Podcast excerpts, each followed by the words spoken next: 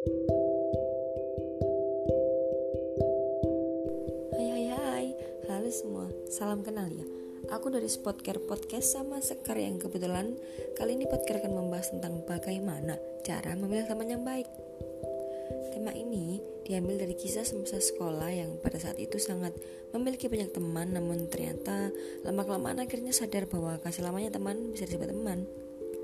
Kadang kita udah bahagia dan bersama mereka Main bareng, ngerjain bareng-bareng Sampai bolos sekolah pun barengan. Ha. Jangan ditiru ya teman-teman. Tiba-tiba harus pisah, lost kontak dengan alasan yang gak jelas gitu Tiba-tiba ngejauh aja. Nah ini nih yang perlu diawasin. Jangan-jangan di belakang ada yang jelek-jelekin kamu Yang buat dia ngejauh dari kamu. Tapi ada juga nih teman yang mungkin udah temenan dari SD kali ya. Bisa langgeng sampai dewasa Nah, maka dari itu, Spotcare ingin ngasih tips nih buat kalian semua supaya orang-orang tuh senang berteman dengan kita. Yang pertama nih, simple, tersenyum. Ini adalah cara paling efektif untuk membuat orang menilai kita sebagai pribadi yang ramah. Yang kedua, berempati. Empati ini dapat menunjukkan bahwa kamu adalah orang yang peduli terhadap sesama. Ketiga, terbuka. Cobalah bersifat terbuka seperti menceritakan segalanya pada temanmu, entah curhat atau berbagi cerita agar temanmu merasa dipercaya. 4. Memuji. Kamu dapat memuji segalanya tentang dia, seperti memuji gaya berpakaiannya atau kata-kata pujian lain yang bisa diterima orang sekitar gitu. 5. Meminta bantuan.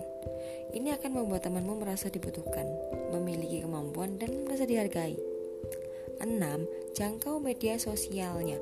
Banyak sekali nih aplikasi seperti WhatsApp, Instagram, Line, Twitter, dan lain-lain. Kalian bisa saling mutualan satu sama lain agar bisa menjadi tempat berkomunikasi dan bersosialisasi.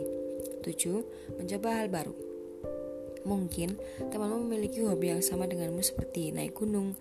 Kalian bisa melakukan bersama atau mungkin memiliki hobi yang sangat berbalik. Misalnya, dia lebih menyukai pantai. Nah, karena akhirnya kalian bisa bertukar pengalaman satu sama lain kan?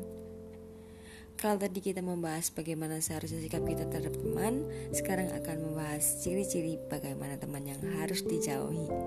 Yang pertama, teman yang suka membatalkan janji.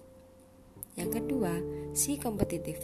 Mereka tidak ingin kalah denganmu, maka mereka akan selalu berusaha agar berada di atasmu.